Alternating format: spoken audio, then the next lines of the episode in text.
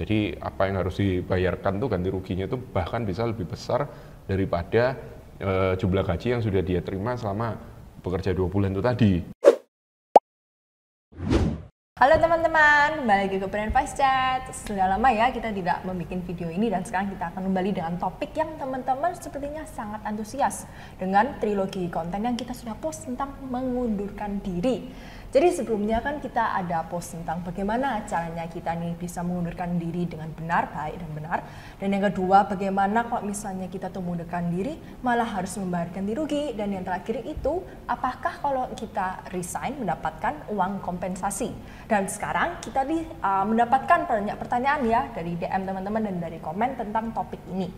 Jadi pada video hari ini kita akan membahas pertanyaan tersebut.